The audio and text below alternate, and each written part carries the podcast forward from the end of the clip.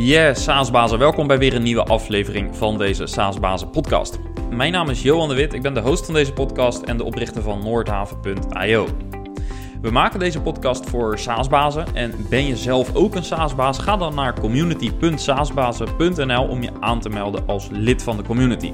Het is een besloten community voor uh, mensen met een C-level functie binnen een SaaS-bedrijf of founders van een SaaS-bedrijf. Je staat met andere leden in contact en je kunt eenvoudig kennis en ervaringen uitwisselen. Kortom, je hoeft het wiel niet opnieuw uit te vinden, maar heel veel andere SaaS-bazen hebben jouw uitdaging al eens getackled. En via de community heb je toegang tot die SaaS-bazen. Een van mijn favoriete tools is Leadinfo. Veel van mijn klanten maken gebruik van Leadinfo en niet zonder reden. Met Leadinfo zie je precies welke bedrijven er op jouw website zijn geweest. Want als je gebruik maakt van Google Analytics, dan zie je allerlei uh, nuttige statistieken over het gedrag van je bezoekers. Je ziet waar ze vandaan komen en ga zo maar door. Maar je ziet niet wie die bedrijven waren, welke bedrijven er je website, uh, jouw website hebben bezocht. En dat terwijl dat voor marketing en vooral ook voor sales juist super interessant is. Daarnaast zie je ook welke pagina's zij bezocht hebben, hoe lang ze daarover gedaan hebben, uh, hoe vaak ze terug zijn gekomen. Kortom, super waardevolle informatie voor jouw salesmensen. Ga naar leadinfo.com slash saasbazen voor meer informatie over Leadinfo. Vandaag praat ik met Marnix Broer van Studoku. Het is misschien geen typische SaaS-oplossing, Studoku, of voor de Nederlandse markt misschien beter bekend onder de naam Studeer Snel. Maar des te interessanter voor deze podcast. Want we hebben het uitgebreid over het ontstaan van het platform, maar ook over ondernemerschap in het algemeen.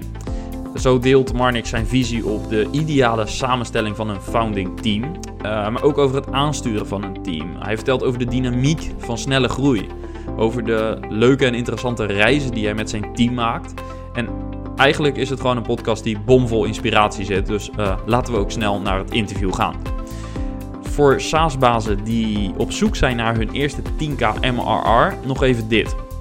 We hebben een interessante challenge voor je ontwikkeld. Ga naar noordhaven.io slash challenge om meer te ontdekken daarover. Laten we snel naar het interview met Marnix gaan. Enjoy! Marnix, welkom in de SaaS Bazen podcast. Dankjewel. Leuk dat we het vandaag uh, over jouw uh, bedrijf uh, mogen gaan hebben. Het is misschien niet helemaal SaaS, maar we wilden eens wat SaaS ba of, ja, basis spreken eigenlijk. Van organisaties waar wel een component software in zit, maar tegelijkertijd waar het businessmodel misschien ook wat anders is. nou, zo kwamen we onder andere dus bij jou uit. Dus leuk dat je daar aan mee wil werken. Um, voordat we het over jouw platform gaan hebben, um, zou je jezelf ja, willen introduceren aan de luisteraar en hoe ben je ja, SaaS-baas geworden bij deze organisatie? Ja, tuurlijk. Um, ja, ik ben uh, Marnix broer. Ik ben uh, een van de vier oprichters uh, van Studoku. in Nederland beter bekend als Studeer Snel. zelf um, heb ik eigenlijk het standaard riedeltje gevolgd van school, middelbare school. ben gaan studeren in, in Delft, aan de Technische Universiteit. maar tijdens de studie zijn we dit bedrijf gestart. uiteindelijk voor de zekerheid toch maar even de studie afgerond. bleek later gelukkig niet nodig te zijn, maar desalniettemin wel interessant. Um, zelf, uh, ja, ik hou natuurlijk nu van mijn bedrijf en uh, probeer dat zo groot mogelijk te maken. Um, en in mijn vrije tijd uh, doe ik niks liever dan op het water zitten met de boot. Um, ja, en verder hou ik van goede wijntjes drinken, van het leven genieten. Ja, lekker. Heb, heb, je nog een beetje tijd? Want je organisatie groeit hard, volgens mij. ja, ja tegenwoordig probeer ik dat wel meer plaats voor te maken. Vroeger was het wel echt, echt drukker. Was je natuurlijk met een minder groot team um, en deed je nog heel veel zelf. Uh, maar ik probeer steeds meer uit handen te geven en wat minder te micromanagen. Maar dat blijft af toe lastig, dat moet ik toegeven. Ja, als, als founder heb je dat gevoel denk ik altijd wel een beetje. Ja, precies. Ja. kun je een beetje een gevoel geven van waar jullie nu staan qua team, size? Ja, we zitten nu, uh, we werken allemaal vanuit Amsterdam. Uh, nu uiteraard thuis, maar normaal zo ook op kantoor uh, met z'n veertigen. Ehm, wij zijn een beetje in de fase, ehm, ja, start-up wel voorbij. De, de sfeer is zeker nog start-up, maar eh, ja, we zouden nu denk ik beter vallen onder, onder scale-up. En scale-up omdat we een aantal jaar terug eigenlijk zijn begonnen met echt uitbreiden naar het buitenland. Zoveel mogelijk, zo snel mogelijk. Dat gelukkig met succes gedaan. maar we zijn wel nog steeds in die fase. Dus we zijn nog steeds hard aan het groeien. We breiden nog steeds uit naar heel veel nieuwe markten. Ehm, dus we zijn nog steeds aan het scalen. Um, en dat zie je ook terug dat het team zelf schaalt niet erg hard meer. Maar het, het, product en, en het bereiken juist wel. dus ik denk duidelijk dat we in die fase nog zitten. Ja, gaaf. Wat zijn nu de belangrijkste landen? Um, ja, we hebben de grootste focus en het, in ieder geval het grootste land op dit moment is ook Amerika. Maar daar zijn we eigenlijk nog helemaal in de beginfase. Maar het land is gewoon zo groot dat het meteen nummer één land is geworden. Uh, maar onze focus ligt inderdaad op Noord-Amerika, West-Europa en Noord-Europa. En op Australië. Ehm, we zitten wel verder ook in Zuid-Amerika veel. we zitten ook in Oost-Europa zijn we gestart. En we zijn een beetje bezig in Azië. maar dat zijn niet de focus areas voor, voor ons nu. Ja, dus vooral de Engelstalige landen eerst. En, ja, ja, ja. ja. ja. Um, ik ga meteen alweer de inhoud in, uh, betrap ik mezelf nu op. Uh, maar eigenlijk is het voor de luisteraar natuurlijk belangrijk die Sudoku niet kennen... om uh, een beetje te begrijpen van wat, wat doen jullie precies. Ja. kun, je, kun je ons meenemen naar het beginverhaal? ja, zeker. Ehm, zoals ik zei, het was tijdens onze studie. in, ons, in mijn vierde jaar kwam medeoprichter Sjaak naar me toe en die zei... Ehm, we moeten niet eens een bedrijf gaan starten... en dat was eigenlijk meer een, een projectidee van moeten we dat dus niet wat gaan proberen. Uh, vond ik hartstikke interessant. En uh, op een gegeven moment kwam, uh, kwam hij met een, een, variant van scholieren.com, zoals wij hem vroeger kenden van school, maar dan voor studenten. En toen dacht ik meteen, ja, dit is er niet. Dit was echt ideaal vroeger, dus dit moeten we gaan doen. Um, toen zaten we eigenlijk diezelfde avond aan een tekentafel waarin we een platform bedachten waar studenten zeer eenvoudig al het materiaal voor, om voor te bereiden op de tamens op één plek kunnen verzamelen en met elkaar delen. Uh, en dit bleek heel erg nodig te zijn in de studentenwereld. Dat hadden we zelf al door, omdat eh, als zodra de tentamens eraan kwamen, eh, dan was je eigenlijk de eerste paar dagen alleen maar bezig met al je maatjes. Al je huisgenoten, clubgenoten, iedereen die je kende van je studie vroeg je: heb jij nog samenvattingen, oefenen, tentamens, al die dingen. Maar ja, dat kostte tijd. Sommigen waren die dingen kwijt. En zelfs tijdens studeren was je nog mee bezig van... is er misschien toch nog die betere samenvatting ergens te vinden?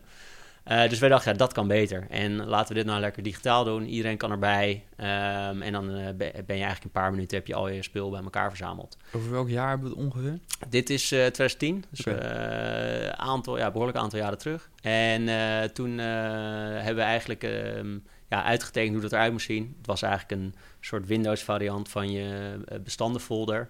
Zo zag het er een beetje uit. Moest ook niet te moeilijk zijn. Toen heb ik uh, aan twee vrienden gevraagd van mij of ze de website willen maken. Dat, uh, die werden later dan ook meteen uh, mede-oprichters. Ehm, dus we hadden toen een heel simpele website staan. Sjaak en ik uploaden ons eigen materiaal die wij in de afgelopen vier jaar verzameld hadden. en zetten dat online. Toen een heel klein beetje gepromoot onder onze eigen studenten en onze vrienden. En toen ging het echt als een lopend vuurtje. Dus het heel Delft gebruikte binnen drie weken onze website. Uh, en we kregen al meteen verzoeken vanuit uh, andere steden als Leiden, Rotterdam en Amsterdam van, uh, van de vrienden daar van dit moet je ook bij ons bezetten.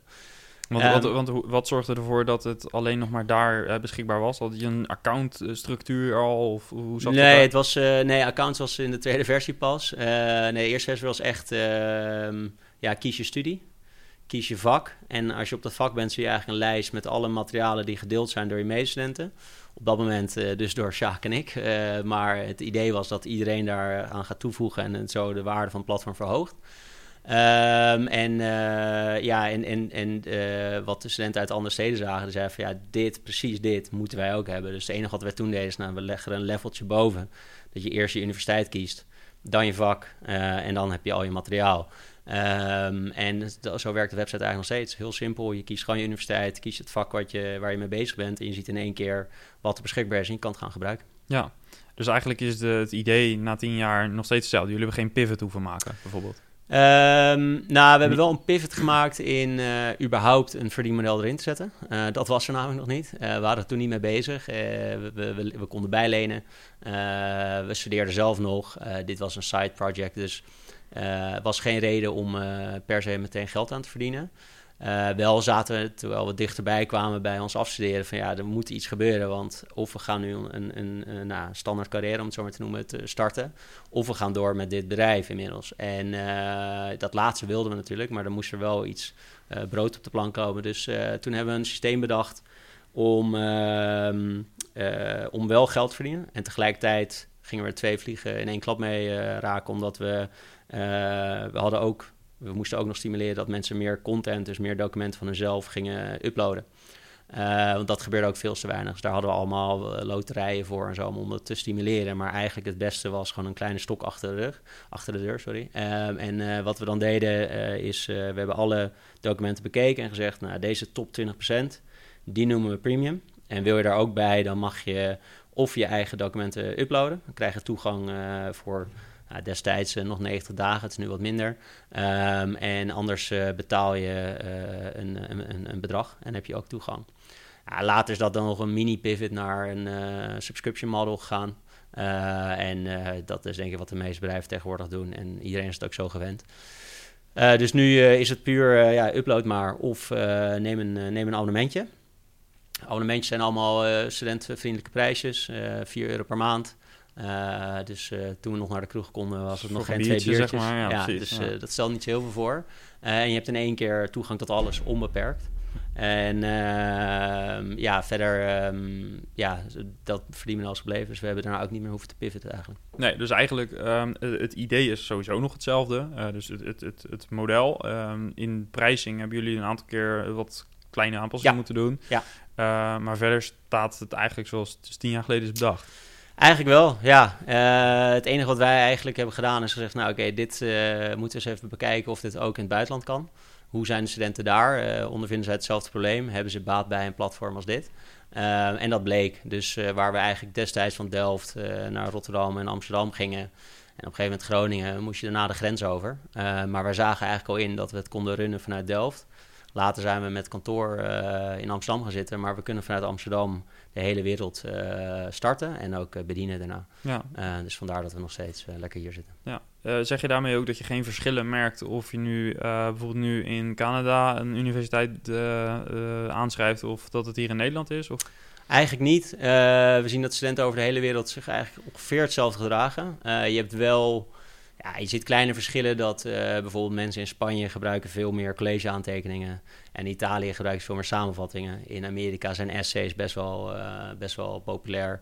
Uh, maar aangezien we al alle content die een student nuttig vindt kan uploaden, Um, is het, verandert dat het platform eigenlijk niet. Het is puur, staan er net iets andere documenten op, maar het, het, het, delen en het gebruiken is echt exact hetzelfde. Ja, en uh, je gaf aan dat je in het begin uh, nou ja, die website online zette, daar uh, zette je wat bestanden op. maar op een gegeven moment, zeker nadat nou, op de andere universiteiten er ook over gesproken werd, dan neemt opeens de hoeveelheid data die je daar gaat verwerken, of je verwerkt het misschien niet, maar je moet wel gaan hosten dus enorm toe. Ja. hoe hebben jullie dat aangepakt? Um, ja, dat was wel grappig. Uh, onze, eigenlijk, onze enige echte investering was, uh, of eerste investering was een harde schijf. Dus gewoon hoe je hem nu nog kent. je plugt hem in op de USB. En zo zijn we langs studentenhuizen gegaan, aangebeld en gezegd... hey, hebben jullie toevallig wat studiedocumentjes voor ons? Uh, die willen we graag, want we gaan het op een platform zetten. En kan iedereen gebruiken en het is hartstikke mooi. Gezellige uh, tijd geweest, kan ik me voorstellen. Dat was uh, zeker leuk. Het waren goede tripjes. En we werden af en toe natuurlijk raar aangekeken. maar over het algemeen werkten mensen heel graag mee. Ja, jullie hadden toen al de website, dus je kon al aangeven dat het wel dat het ook wel we echt konden, we konden iets laten zien, ja. ja. Maar je staat versteld dat als je gewoon dingen vraagt aan mensen, ze zeggen vaak ja. Hm. En zonder dat je überhaupt het product hoeft te tonen. Uh, het was wel grappig en meestal hoeven ze niks voor terug. Uh, we, hebben, nou, we hebben wel eens een verzoekje gekregen. Sjaak uh, heeft wel eens een keer een date moeten toezeggen eh, met, een, met iemand. Omdat ja, dan alleen mochten we haar computer leeg plukken. Ehm, dus dat soort gekke dingen kwamen nog wel voorbij. Maar eigenlijk wilde iedereen gewoon lekker meewerken. Ja, mooi. Ja, dat kan in deze markt met deze doelgroep natuurlijk ook niet anders dan dat je dat soort dingen gaat meemaken. Ja, superleuk. Ja. ja. Overigens natuurlijk ook qua verdienmodel is het...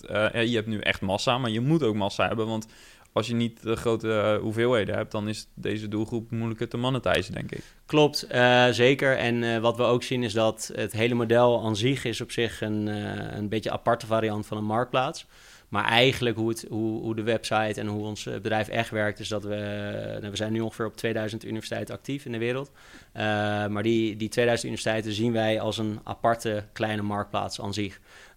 Dus elke, elke unie is een marktplaats. En daarin houden wij de, de, de, de paar KPI's bij waarvan we zeggen: oké, nu is vraag en aanbod zit goed. Dus de, deze, deze marktplaats kan groeien en kan doorgroeien. En, en hoe, uh, waar kijk je dan naar, naar wat voor KPI's? Ehm, ja, we kijken allereerst naar hoeveel content is er. Dus zo starten we ook. we, beginnen, we beginnen altijd met een aantal documenten specifiek van populaire vakken op die universiteit zelf. Uh, dat trekt dan het gebruik aan. Studenten weten hun weg te vinden via, via Google onder andere. Uh, komen dan bij ons terecht, zien hoe fijn het product werkt uh, en hoe weinig het kost, of zelfs helemaal gratis is aan het begin. Ehm, dan neemt het gebruik toe en dan gaan wij proberen te stimuleren om die studenten zelf ook bij te dragen. Een beetje het voor wat hoort wat idee. Um, en op die manier, door dat premium systeem uiteindelijk in te voeren, creëer je een, een, een, cirkel waar eigenlijk het gebruik of je hebt een paar documenten, dat trekt gebruik aan. Die moeten weer meer documenten uploaden. Dus is meer waarde en meer documenten, trekt weer meer gebruikers aan die moeten weer uploaden. En zo blijft het alsmaar doorgaan. Dus ook een vorm van netwerkeffect eigenlijk. Ja, extreem. extreem. Ja, en juist bij de studentenwereld is het natuurlijk perfect. Uh, ze studeren samen, uh, ze drinken koffietjes samen. Uh, dus ze hebben het altijd over wat ze aan het doen zijn. dus er is geen betere doelgroep om een netwerkeffect op te zetten, denk ik. En daar maken wij mooi gebruik van. Ja, slim. En als je kijkt naar Google, die term liet je even vallen. Dus mensen vinden je via Google. ik ga, ik, misschien ontregel ik het gesprek nu omdat het een, opeens een hele in-depth vraag is. Maar als vanuit mijn achtergrond als marketeer ben ik er even benieuwd naar. Um, al die documenten die staan op jullie website, maar je kan ze pas inzien nadat je bent ingelogd, uh, denk ik zo. Of kun je ook heel veel documenten gewoon openbaar zien? Ja, ja okay. wij laten toe dat ze het ook openbaar zien en Google daarmee en ook. Daarom dus Google, ja precies. Dus, dus eigenlijk is het verslag van jullie, uh, van de studenten die het uploaden, dat is eigenlijk jullie, deel van jullie SEO-strategie. 100%, ja, ja, ja, zeker. Want uh, op dit moment... Uh, zitten wij op, uh, dus op die 2000 universiteiten hebben we iets, iets meer dan uh, eh, 5 miljoen documenten gepubliceerd. En die 5 miljoen documenten staat vol met goede tags. En zijn beoordeeld door studenten die, dat de ratings goed zijn. Dus het is kwalitatief goede informatie. Maar die goede informatie belandt natuurlijk ook in Google. Dus als iemand daarop zoekt, hebben wij eigenlijk 5 miljoen voordeurtjes gecreëerd om je website te betreden. Um, en voor ons is een homepage bijvoorbeeld ook totaal niet van belang. Uh, Mensen komen binnen via een document en vanaf dat moment moeten wij aan hun laten zien... oké, nou, dit document is nuttig voor jou, maak er gratis gebruik van. Trouwens, we hebben nog veel meer. Kijk even hier, dit is waarschijnlijk ook handig voor je. En op die manier ontdekken mensen het product en blijven ze hangen... en gaan ze het doorvertellen aan hun vrienden. Ja, dus jullie site-structuur is met name heel belangrijk. Want zulke enorme hoeveelheden moet je natuurlijk ook in de goede categorieën kunnen klassificeren. Dat je geen, ook geen interne concurrentie hebt tussen artikelen en dat soort Klopt. dingen. Ja, ja. Je wil geen duplicate content voor Google. Uh, dus uh, daar mikken we heel erg op. We hebben ook een team die echt alleen op SEO werkt. Uh, omdat dat eigenlijk onze groeistrategie het voornaamste deel van de groeistrategie is. Um, ja, en verder al die data. Kijk, wij zijn vooral heel goed en ik denk dat wij ons daar ook uitblinken bij de concurrenten is, is dat wij, um, we hebben echt kwaliteit kwaliteit leveren omdat slechte documenten worden één al niet toegelaten. Uh, en twee worden later gaan studenten zelf de documenten beoordelen, waar wederom slechte documenten van het platform afgaan. En de goede documenten uh, kunnen we dan uh, zo laten ranken in de search en, en, in de vakpagina's waar ze komen, dat ze direct bij de beste kwaliteit zijn. Uh, maar het, ook het ordenen ervan is heel belangrijk. dus je, je moet het overzicht behouden en je moet een goede, eigenlijk zoals op je computer, een goede mappenstructuur hebben ja. om, om duidelijkheid te bieden aan studenten zelf. Ja. Um, en dat doen wij nu denk ik best goed. Um, ja, en verder met, met de data die je bedoelde. Um, het is niet alleen de documenten zelf die veel data, maar het is natuurlijk ook, uh, we zitten nu op uh, wel op iets van 13 miljoen uh, unieke studenten per maand op dit moment die het platform gebruiken. Maar dat levert natuurlijk ontzettend veel data op. Um, en ja, ik ben blij dat een van mijn medeoprichters in, ik denk al in 2014, misschien wel 15, weet ik niet, maar iets in die rand zei van laten we deze tool uh, Mixpanel gaan gebruiken. Ehm, en uh, ja, dat was best duur in die tijd voor ons. Uh, maar uiteindelijk toch besloten om dat te gaan doen. Maar dat bleek, dat bleek de beste zet ooit. Want sinds je data meet en inzichtbaar maakt, kan gaan AB testen, dan schiet je echt vooruit. En dan, ja, alleen al door het testen zelf groei je zoveel harder dan dat je daarvoor ook maar kon bedenken. Ja kan ik me voorstellen dat jullie ook interessant zijn, die data, dat het ook interessant is voor heel veel andere partijen die studenten op welke manier dan ook willen targeten. Uh, krijg je daar krijg je ook vragen uit die hoek? Uh, ja, ja, dat zeker. Want het is inderdaad een interessante doelgroep natuurlijk. Er zijn veel bedrijven die studenten willen benaderen, helemaal richting het einde van hun studie. dan voor banen, maar ook banken bij wijze zeker voor hun bankrekeningen. zelf doen we dat niet. We vinden van oké, we hebben een premium systeem, we hebben ons eigen verdienmodel ads vind ik zelf ook uh, vrij vervelend online. Dus ehm, die, die hebben wij ook niet. Uh, en op dit moment zitten we eigenlijk in van oké, uh, we willen gewoon zo groot mogelijk zijn. We willen alle studenten in de wereld helpen. En als we daar zijn, kunnen we altijd kijken of we nog een, een, een businessmodel erbij willen bouwen.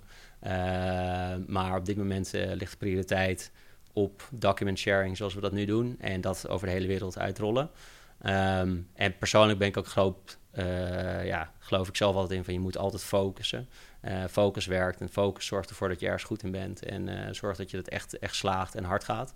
maar dat kan op de proef gesteld worden als je op een gegeven moment inderdaad een grote bank... als je vragen krijgt of ze op, op een of andere manier iets met jullie data kunnen. Ja, klopt, klopt. aan de ene kant wel. Aan de andere kant ehm, vind ik wel dat ons model uiteindelijk... Ehm, steekt het voldoende in elkaar om, om, om op, op zichzelf al uh, vrij rendabel te zijn. Uh, als wij kijken naar dat ons team niet per se, of nou, het schaalt zeker niet lineair mee met de groei van het platform. Dus je, je vaste kosten eigenlijk uh, worden steeds minder. terwijl we wel zien dat eigenlijk, ja, je hebt geen inkoop van documenten. je levert wel het hele systeem en de service.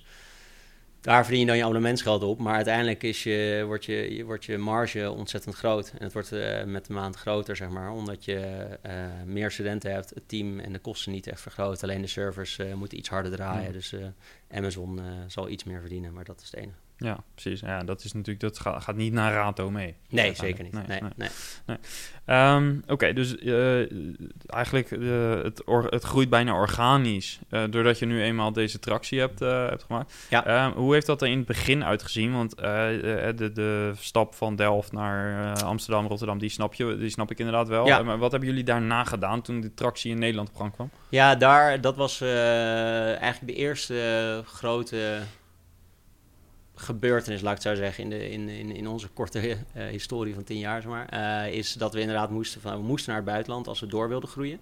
Uh, maar we hadden nog niet helemaal een idee hoe. Ehm, waar we achter kwamen is dat je eigenlijk vrij gemakkelijk studenten kan targeten via mediums zoals Facebook onder andere en nu Instagram en TikTok en wat je allemaal niet hebt. Maar uiteindelijk is het vrij eenvoudig om ze wel te bereiken. En het enige wat wij nodig hadden is een paar studenten die bereid waren om uh, ons uh, uh, ja, inzicht te geven in welke documenten nuttig zijn voor die universiteit waar zij studeren. En of ze die documenten hebben, uiteraard. Dus we moeten die documenten van hun krijgen. Nou, daar, daar hebben we hun gewoon voor betaald. en dan had je je startset. dus zo losten wij het kip-ei-verhaal op. Het enige is wel, dit, dit was best wel veel werk. Uh, omdat we die, die, die, studenten die spreekt, moet je, moesten wij een heel team uh, in, in Amsterdam hebben om daarmee te onderhandelen over de prijs van die documenten. En, en uh, dat was tijdrovend, mensen haakten af. je moest ergens de transactie maken. Dus wanneer betaal je, wanneer levert de student? Dus je was ook, deals gingen kapot. En dat je, nou, we betaalden dan de helft vooruit. Maar dan ging de student niks meer uploaden. Ja, dan, dan was je geld kwijt. Dus dat werkte allemaal niet uh, ideaal, maar het werkte wel. En uh, we hebben dit uh, gedaan met een investeringsronde vanuit Peak Capital en Point Nine Capital. Um, en we wilden toen naar 150 universiteiten uitgroeien in, in Europa voornamelijk. Um, het plan heeft wel gewerkt, maar we zagen heel veel dingen die verbeterd konden worden. Heel veel dingen die sneller konden, heel veel dingen die efficiënter konden. Um, en toen zijn we, nadat we een jaar nadat we de investering hadden en dus eigenlijk dat geld nog aan het uitgeven waren, hebben we een systeem bedacht om alles te automatiseren. Um, dat uh, konden we een half uur later gaan testen en dat werkte gelukkig uh, echt heel goed. En wat bedoel je met alles? Uh, het proces om tractie te krijgen bij een nieuwe universiteit? Ja, ja eigenlijk hadden we een, een, een, heel schaalbaar model gemaakt om advertenties in één keer uit te zetten. En niet op een paar unies waar je morgen heen wil, bij wijze van spreken, maar Met een, een klikje op de button waren de ads gepersonaliseerd voor die universiteit op dat publiek, op die unie. Dus dat ging opeens heel snel en makkelijk, wat de, de conversiekosten heel erg naar beneden bracht. Maar tegelijkertijd ging het hele onderhandelen, hebben we een systeem voor gemaakt dat de computer onderhandelt met de student. Dus nu kon de student in één keer uploaden wat zij te bieden hebben. Het systeem doet een berekening en zegt, we bieden je 50 piek. Uh, en als ze dan zeggen ja, dan worden ze uitbetaald op hun PayPal en is de transactie rond, hebben wij een documenten. En sindsdien is het, uh, schalen wij uh, iets van acht keer sneller. en de kosten zijn echt ook nog gedeeld door drie minstens gegaan. en dat zagen onze investeerders natuurlijk ook en wij zelf ook. Dus toen zijn we, hebben we gedacht, ja, oké, nu moeten we doorpakken. We en met, met, met die best practice, daarmee zijn jullie naar de investeerder gegaan en dat was ook de reden voor de investeerder om in te stappen? Nee, of, dat of, nee, of was het andersom juist? Uh, hebben, jullie, andersom. hebben jullie dit weten te bewerkstelligen met het geld van de investeerder? Ja, ja exact. En uh, toen waren we in de tussentijd met het geld van de eerste investeerders zijn we naar 150 unies uitgebreid. Tegelijkertijd dit systeem ontwikkeld. Toen waren we klaar voor een grotere slag. Weer een bedrag opgehaald bij andere investeerder. Um, uh, en uh, daarmee konden we de slag naar Canada en Amerika maken. Um, en uh, sindsdien zijn dat ook de, de, belangrijkste landen voor ons. Omdat we zien dat in die landen blijkbaar nog meer vraag is voor zo'n platform als, als wat we in Europa hebben gezien. Um, en ja, in die fase zitten we nu nog steeds. dus we groeien, wat je zei, doordat dit netwerkeffect automatisch gewoon het platform laat groeien. En de tweede groeislag die we doen is dat we blijven uitbreiden naar, uni- naar nieuwe universiteiten over de hele wereld. Ja. Um, dus op die manier heb je twee uh, uh, uh, groei, groeimodellen om, om alles te versnellen. Um, en ja, we zijn er nog langer niet. Ik bedoel, we hebben veel studenten die gebruik maken van ons, maar die 13 miljoen versus de 200 miljoen die er zijn in de wereld, dan zie je dat er echt nog uh, flink, uh, flink te groeien is. Ja, je gaf in het begin aan dat Azië misschien wat uh, niet per se een focusmarkt is. Waar heeft dat mee te maken? Ehm, nou, nog niet, laat ik het zo zeggen. Dus we hebben nu gekeken van oké, Amerika en Canada zijn we echt nog in de opstartfase eigenlijk. we zijn in Amerika, even uit mijn hoofd, zitten we op 150 universiteiten van de 950 bijvoorbeeld. Dus daar moeten we nog heel veel groeien. Naast dat uh, ons model is, is uh, omdat het organisch groeit, is het niet de snelst groeiende model ooit. Uh, dus het heeft ook wel gewoon twee tot drie jaar nodig voordat een universiteit helemaal, hm. dat iedereen er vanaf weet, dat iedereen het gaat gebruiken en dat we eigenlijk komen tot de ratios. In Nederland gebruikt is zo'n 80% gebruikt als product van de studenten en ja, in Amerika zijn we daar nog langer niet, dus dat moet ook nog groeien. Dus vandaar dat we gezegd, oké, okay, nu focussen we eerst nog eventjes op, op, op Noord-Amerika, omdat dat gewoon een hele goede markt voor ons blijkt te zijn. Ja, want je hebt het dan over de adoptie binnen een universiteit. Dus ja. het is niet dat je twee jaar nodig hebt om bij een universiteit nee, nee, nee, dat gaat heel snel. Dat gaat door die automatisering nu heel snel. Ja, ja, ja. Maar voordat de adoptie op 80% zit binnen zo'n universiteit, dan kan je wel twee jaar verder zijn. Ja, klopt, okay. klopt. Maar inmiddels kunnen we wel, we, we kunnen nu ongeveer uh, 50 tot 60 universiteiten per maand aanslingeren, zeg maar. Maar dan uh, duurt het dus ook nog tijd voordat de hele adoptie zelf uh, ja. tot echt een volwassen staat is, laat ik het zo zeggen. Ja. Uh, maar Azië is uh, eigenlijk heel interessant. Er zitten heel veel studenten. Ja. En ja, ik, ik, ben op zich niet bang voor de cultuurverschillen. Want dat hebben we in de tussentijd zo vaak gezien dat dat blijkt geen probleem te zijn. als je kijkt naar de Chinese markt, dat is nog wel even een ding. Die zou ik wel echt even nog opzij zetten. Met name omdat er gewoon behoorlijk wat restricties zitten om, uh, om daar uh, je business te mogen draaien. En dat de overheid daar waarschijnlijk veel invloed wil hebben op je product. Ja. Uh, dus dan, uh, dan liever even de, de, andere miljoenen studenten die er nog te gaan zijn. Ja, je hebt het dan over overheid. Als we kijken naar de onderwijsinstellingen zelf, de universiteiten. Hoe hebben die in het begin gereageerd op jullie en hoe reageren ze nu? Zit daar verschil in? Um, ja, dat is wisselende reacties. Uh, we werken echt vanuit studenten. Dus een uh, universiteit zelf uh, is er nooit bij betrokken.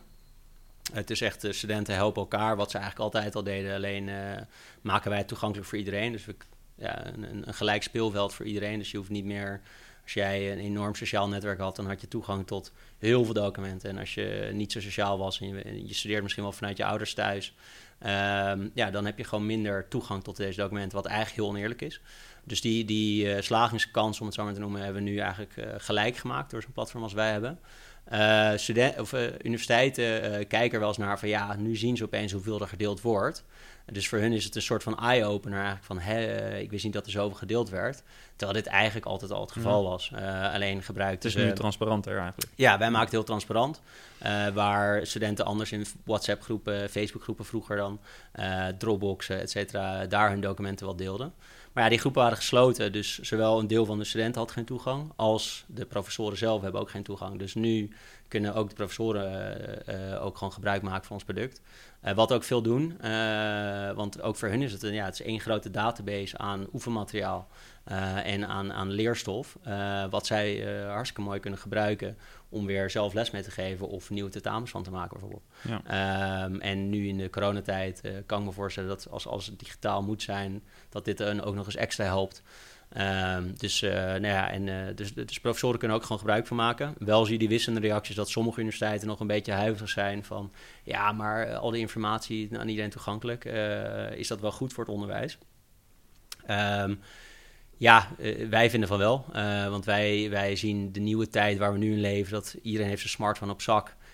Binnen een paar keer tikken heb je alle informatie van de wereld tot je beschikking. Dus het zou nu meer moeten zijn van oké, hoe kan je informatie interpreteren? Wat is een goede bron? Wat is geloofwaardig? Wat is kwaliteit? versus dat je dingen nog ouderwets uit je hoofd moet leren en dan dat je op je tentamen moet komen opdraven om, om dat weer uit je uh, allemaal op te gaan schrijven. En een week later ben je het vergeten bij zeker. Dus, uh, zit hun probleem ook niet in het feit dat ze misschien nog te veel moeten wennen aan deze nieuwe wereld, werkelijkheid? Ja, kijk, eh, universiteiten staan er natuurlijk niet heel erg op bekend uh, om heel snel uh, innovatief mee te draaien met, met de tijd mee, zeg maar. Aan de andere kant moet ik zeggen, petje af hoe ze dat nu gedaan hebben in coronatijd. Hoe ze in één keer geforceerd werden van ja, offline educatie naar online. En dat hebben ze echt best wel eh, knap gedaan, vind ik. Dus ik hoop ook dat het blijft. Het is echt wel een goede ontwikkeling. Ehm, maar ja, natuurlijk moesten ze hier aan wennen. dat kan ik me ook wel voorstellen. Dat je in één keer denkt, kijk, het, ja, als je het niet wist dat studenten zoveel met elkaar samenwerken. Uh, dan is het wel even een eye-opener. Maar ja, aan de kant goed, denk ik. Ook goed dat je, dat je het weet. Want dan kun dat je, ook. Dan, maar educatie moet uiteindelijk ook zijn dat je je voorbereidt op, op je werk, op je carrière. En in je carrière, het eerste wat je zult zien is, je werkt in een team. Je moet samenwerken, je moet kennis delen. Ja. je moet er is juist, een wiki en daar moet je iets mee. Ja, je moet het juist begrijpen en toepassen. Ja. En niet uit je hoofd geleerd hebben, want dat, dat, heb je helemaal niet meer nodig. Dus ik hoop dat meer universiteiten, want er zijn er zeker een paar die het wel heel fijn vinden en, en leuk vinden. En dat studenten zo elkaar kunnen helpen. Uh, dus ik hoop dat meer en meer universiteiten datzelfde ja, visie gaan hebben. Ja. Maar los van dat, uh, zelfs al zou dat niet gebeuren, jullie model ligt bij de student. Dus het maakt uiteindelijk ons... onderaan de streep maakt ook niet zo heel veel uit. Nee, het zou alleen helpen Het is fijn als het geaccepteerd wordt. Ja, tuurlijk. Dat voelt gewoon zelf iets prettiger. Maar het, het, je zou nog kunnen denken, als, als professor het gaan promoten, dan gaat het natuurlijk nog harder. Maar voor de, onze model heb je het eigenlijk niet nodig, nee. Nee, alright. Um, uh, nu even naar vandaag. Um, dus misschien wat meer een technische vraag. Uh, ik weet niet in hoeverre we daar echt over... Maar je hebt gigantisch veel data. Dus enerzijds is dat, nou, de storage, dat is allemaal niet zo super spannend, denk ik. Maar dat wel continu blijven organiseren, dat kan best wel een uitdaging zijn, denk ik. Heb je dan per universiteit dan alsnog wel uh, mensen die dan meedenken met die beoordeling. Want je gaat van, bij ons is kwaliteit super belangrijk. Ja. Enerzijds beoordelen dus studenten ja. um, uh, zelf de kwaliteit door reviews te geven, neem ik aan, zoiets. Klopt. Maar jullie willen zelf daar waarschijnlijk ook controle over houden. Hoe, hoe doe je dat met zoveel data? Um, ja, dus vroeger hebben wij nog wel zelf de, de curricula onderhouden. Dus dat we zorgden dat alle vakken aanwezig zijn. Tegenwoordig kunnen studenten zelf gaan zeggen: dit vak ontbreekt, dus dit voeg ik toe. Um, of dit vak is oud, uh, of de naam moet aangepast worden. Dus dat kunnen ze allemaal zelf. Um, qua data zelf, uh, ja, wat je zegt, het, het, dat opslaan tegenwoordig en het, en het serveren van de documenten is uh, een stuk makkelijker geworden dan het vroeger was. Uh, wel eens gepraat uh, met een van de oprichters van Hives, die, die vroeger zeiden van ja, dat was een uh, letterlijke hel om, om, om die servers bij te pluggen in Schiphol, om er maar voor te zorgen dat, dat al die foto's weer konden opgeslagen worden en, en, en getoond konden worden.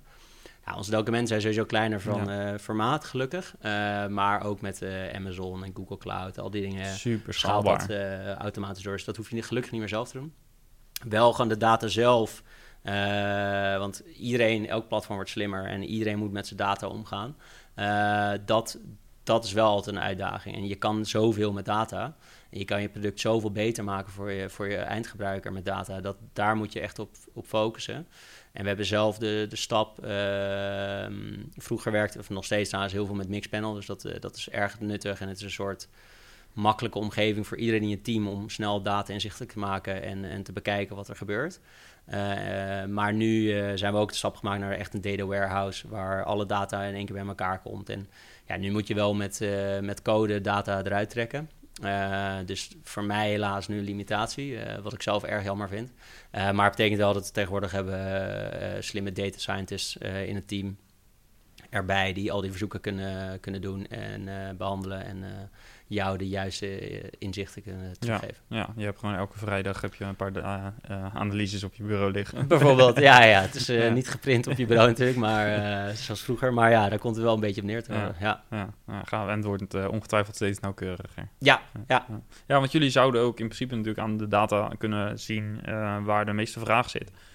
In, de, een vrij simpele bron als ik Google Analytics zou zelfs al iets kunnen vertellen over welke regio's uh, mogelijk. Uh, Zeker, ja, ja. En uh, het is, ja, je ziet, je ziet wat mensen fijn vinden, je ziet waar ze op zoeken natuurlijk. Ja, de lengte dus, van scrolldieptes, dat ja, zal hoe lang het document blijven, welke documenten dus goed zijn. en, en de documenten zelf kan je ook weer analyseren. Met, dat is weer een stuk lastiger, maar dat je probeert te ondervinden eh, met het systeem dan. Waar gaat dit document over? Door dus, keywords te scannen, dat soort dingen. Precies. Um, en maar ook uh, zitten er kopjes in, zitten er tabellen in, zitten er uh, afbeeldingen in. En dat, die correlaties kunnen we dan leggen tussen de, de, documenten die je al hebt en hoe het gebruik daarop was. En zo kan het systeem ook bepalen van oké, okay, doordat ik correlaties zie tussen dit document wat net is geüpload versus alle documenten die online staan, kan ik zeggen: dit heeft een goede kans verslagen. Dit gaan studenten heel fijn vinden.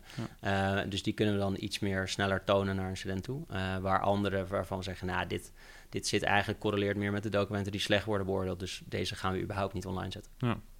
Gaaf, ja, het lijkt me een speeltuin voor uh, data als je, als je, ja, als je van data houdt, moet je bij ons komen. Ja, fantastisch. Ja. gaaf.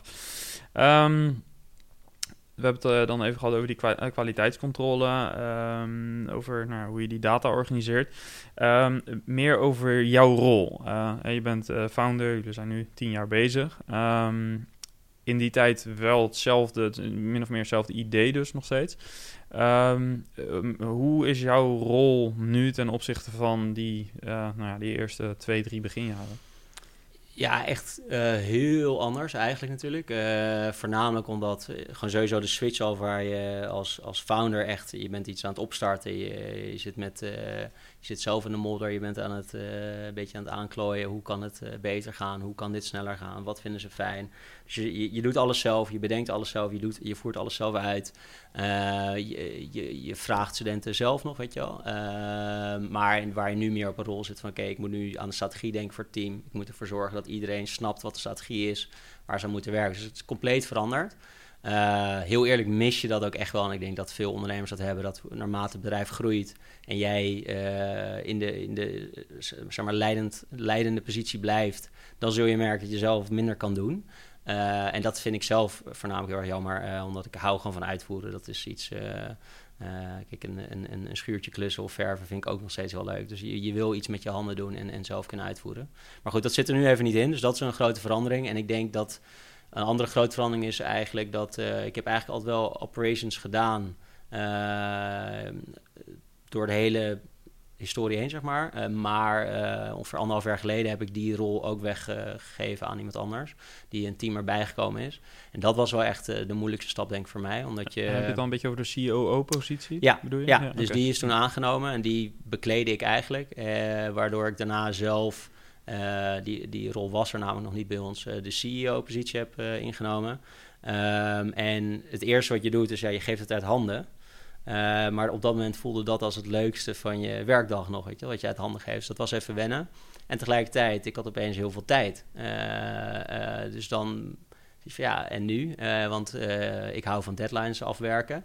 Uh, ja, dat heb je wat minder op, op visie en strategie, et cetera. Dus dat is wel een hele switch geweest. Maar ik moet zeggen, wel goede geweest. Omdat één, zie je dat iemand anders zeker nog beter kan dan jijzelf. maar ook, ja, je, je, je hebt oprecht veel meer tijd om na te denken... waar gaan we met het bedrijf heen? En dat is wel prettig op dit moment dat, dat, dat, dat, dat die tijd er is. Dus een goede stap geweest. Ehm, en ook het leertje wat meer uit handen te geven. Waar je ik had uh, gouden neiging dat je veel gaat micromanagen en uh, doe het op mijn manier, want dat zal wel de goede manier zijn. Maar uh, doordat je geforceerd wordt om het uit handen te geven, leer je van dat, dat hoeft niet per se de beste manier te zijn. En het geeft heel veel rust bij jezelf. Ehm, dat je niet overal alles in de gaten hoeft te houden. Dus je hoeft niet tien ballen meer in de lucht te houden. Ja. Heeft het ook de samenwerking met de andere founders veranderd? Um, nee, eigenlijk niet, vind ik. want um, Nee, we bepalen strategie allemaal samen. Uh, uiteraard kan ik een voorzetje doen waar zij dan, uh, omdat ze, ik daar wat meer tijd voor heb dan zij, omdat zij wat meer uitvoerende rollen hebben. Maar uiteindelijk bepaal je, bepalen we altijd alles samen en we moeten er allemaal een goed gevoel over hebben dat dit de juiste weg is. dus daar is, daar is erg weinig veranderd. Ja, ook in de dynamiek dus niet? Nee, nee, ik zou zeggen van niet. Nee. En um, wat je merkt is dat het is wel even wennen dat je iemand extern in je managementteam erbij krijgt. Dus vooral voor diegene was het denk ik even lastig dat je in een, ja, in een hechte kliek komt natuurlijk. Uh, en dan moet hij moet daar zijn plek in vinden. Uh, maar dat heeft hij erg goed gedaan, vind ik. Ja. In het voorgesprek hadden we het even kort over een, het hebben van een founding team, zeg maar. Dus met wie begin je en, en, wat jouw visie daarop is. Um, zou je die eens willen delen? Mijn visie op founding team is... Um, wij waren met z'n vieren en ik denk dat dat ontzettend goed is om uh, een bedrijf mee te starten. Omdat je vier mensen hebt die extreem betrokken zijn bij je bedrijf, je, je, kind eigenlijk. Hè? Um, dus dat werkt in alles mee, door de alle jaren heen. Want je, je hebt altijd iemand op die tak zitten die alles geeft. Als iets is, meteen inspringt. dus dat is erg fijn. Uh, waar vier iets minder handig voor is, is beslissingen nemen. Omdat je, ja, je komt heel gauw in de positie 2 tegen 2. Um, uh, dus ja, ergens goed, want daardoor moet je veel meer beredeneren. Je moet veel meer data daarbij zoeken. En op een gegeven moment hebben we ook gezegd... als je jouw strategie of jouw idee niet met data kan onderbouwen... ja, dan, dan kunnen we hem moeilijk serieus nemen... want we weten dat data de waarheid spreekt. Uh, dus dat hielp wel, dat weer wat sneller ging. maar in, in principe heb je, kan er een, blok, een blokker ontstaan. Dus ik denk idealiter zou ik gaan voor drie oprichters... Uh, dan heb je dus wel een, groot aantal mensen in je bedrijf die vanaf begin af aan heel hard werkt. Uh, want dat is uiteindelijk uh, ondernemen, vooral aan het begin heel hard werken en doorzetten.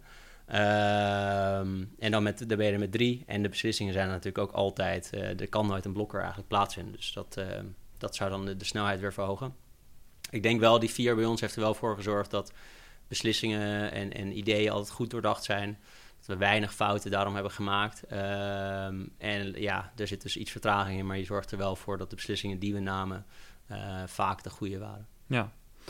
En uh, je gaf ook iets aan over uh, de stap daarna. Dus op het moment dat je inderdaad mensen nodig hebt, wat zijn wat jou betreft de eerste soort profielen die je aanneemt?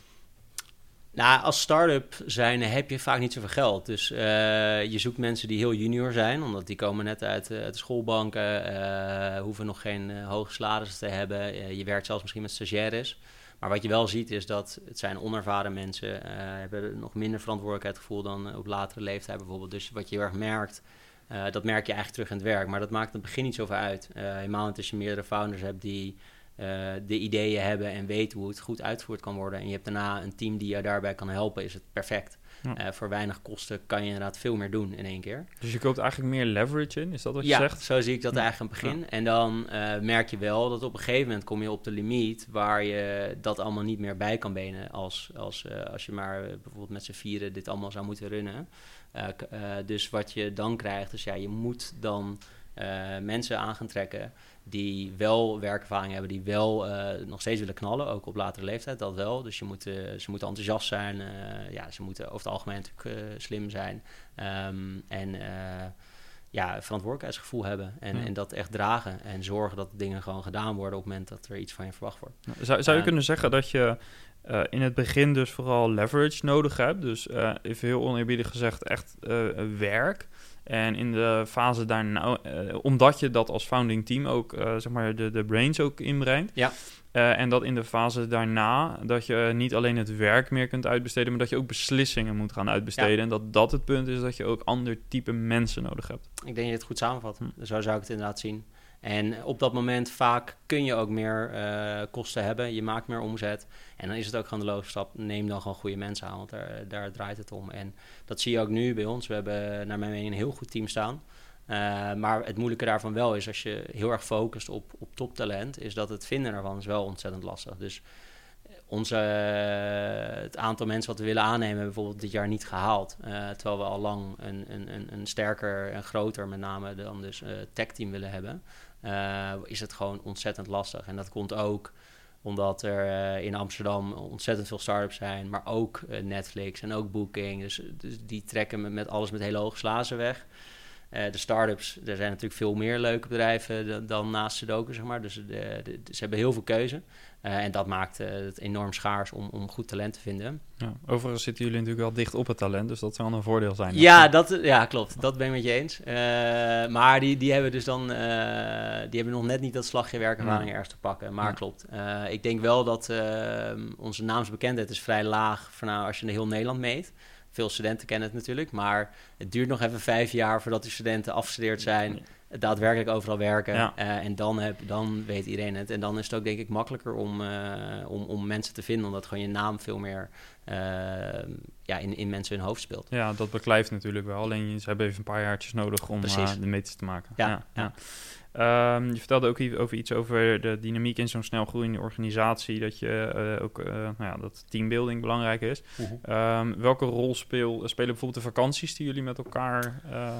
Uh, ja, die werken denk ik perfect hiervoor. Um, we zijn qua vibe echt nog wel start-up-achtig. Dus ook het kantoor is niet helemaal strak. Weet je. Dus we hebben een mooie locatie in Amsterdam, maar uh, ja, de, er zijn echt nog wel wensen over hoe, hoe, het kantoor er zelf uitziet. Maar het ziet er wel heel gezellig uit. En uh, je ziet de sfeer onder de mensen is heel gezellig. Je komt binnen, je voelt energie. Um, je, je merkt gewoon, oké, okay, dit team is op elkaar ingespeeld, vindt elkaar heel aardig. En werken niet alleen samen, maar zijn ook gewoon vrienden geworden. Dat zie je nu ook in corona, kantoor is dicht. Toch gaan mensen uh, van kantoor in de weekenden wel bij elkaar eten en zo. Dus je ziet wel dat, dat daar echt vriendschappen zijn ontstaan. Uh, zelf stimuleren wij dit natuurlijk gewoon met de standaard vrijdagmiddagborrels en de spellen. Maar we hebben ook, uh, in die helpen heel goed mee daar natuurlijk in. Maar we hebben ook, elk jaar werken we met z'n allen aan één doel. En dat is uiteindelijk hoe, als het doel goed gehaald is, dan gaan we met z'n allen een mooie trip maken. Dat kan zijn dat het echt een trip is wat we als een vakantie zien. Maar we hebben ook trips gedaan waar we half werken, half genieten van waar we heen gaan. Um, en die reizen zijn steeds verder gegaan. Dus uh, zelf vond ik de reis naar Zuid-Afrika denk ik de allermooiste. Daar hadden we een, één villa waar we met 30 man in konden. We hebben daar snel internet van tevoren laten aanleggen. zodat we wel door konden werken overdag. Uiteraard tijdens de lunch plons je even het zwembad in. maar s'avonds ga je genieten van de landschappen en het weekend al helemaal natuurlijk. En het, het mooie eten en drinken in, in Zuid-Afrika. Uh, maar die dingen ja, zijn onvergetelijk zelf. Vind ik het gewoon heel gaaf als ik aan terugdenk. Maar die mensen daar, je ziet het team in één keer nog meer energie krijgen, nog meer vriendschappen ontstaan. Uh, ook mensen die een week van tevoren toevallig waren aangenomen, ja, die gaan natuurlijk mee. Fantastisch. Hebben helemaal niet gewerkt aan dat doel, maar dat maakt niet uit. Ze gaan mee op de trip en die, die, die... betere onboarding kan je niet hebben. Dat denk ik ook. En uh, je ziet ook, ja, ik weet niet of het ik heb niet genoeg gevallen om, om dat statistisch te bewijzen. Maar de mensen die altijd net voor een company trip uh, bij het team erbij zijn gekomen, die zijn er allemaal nog. Dus ja. je ziet, uh, misschien is er wel een verband te, te vinden dat, uh, dat je inderdaad in één keer er goed in zit, je thuis voelt en Ja. voor altijd blijft. Ja. Ja, ik uh, kan me goed voorstellen. Ik weet uh, nu bij deze dat jullie alles met data moeten onderbouwen, maar ik zou Ja. deze best wel durven verdedigen, denk ik. Ja, zonder data. Ja.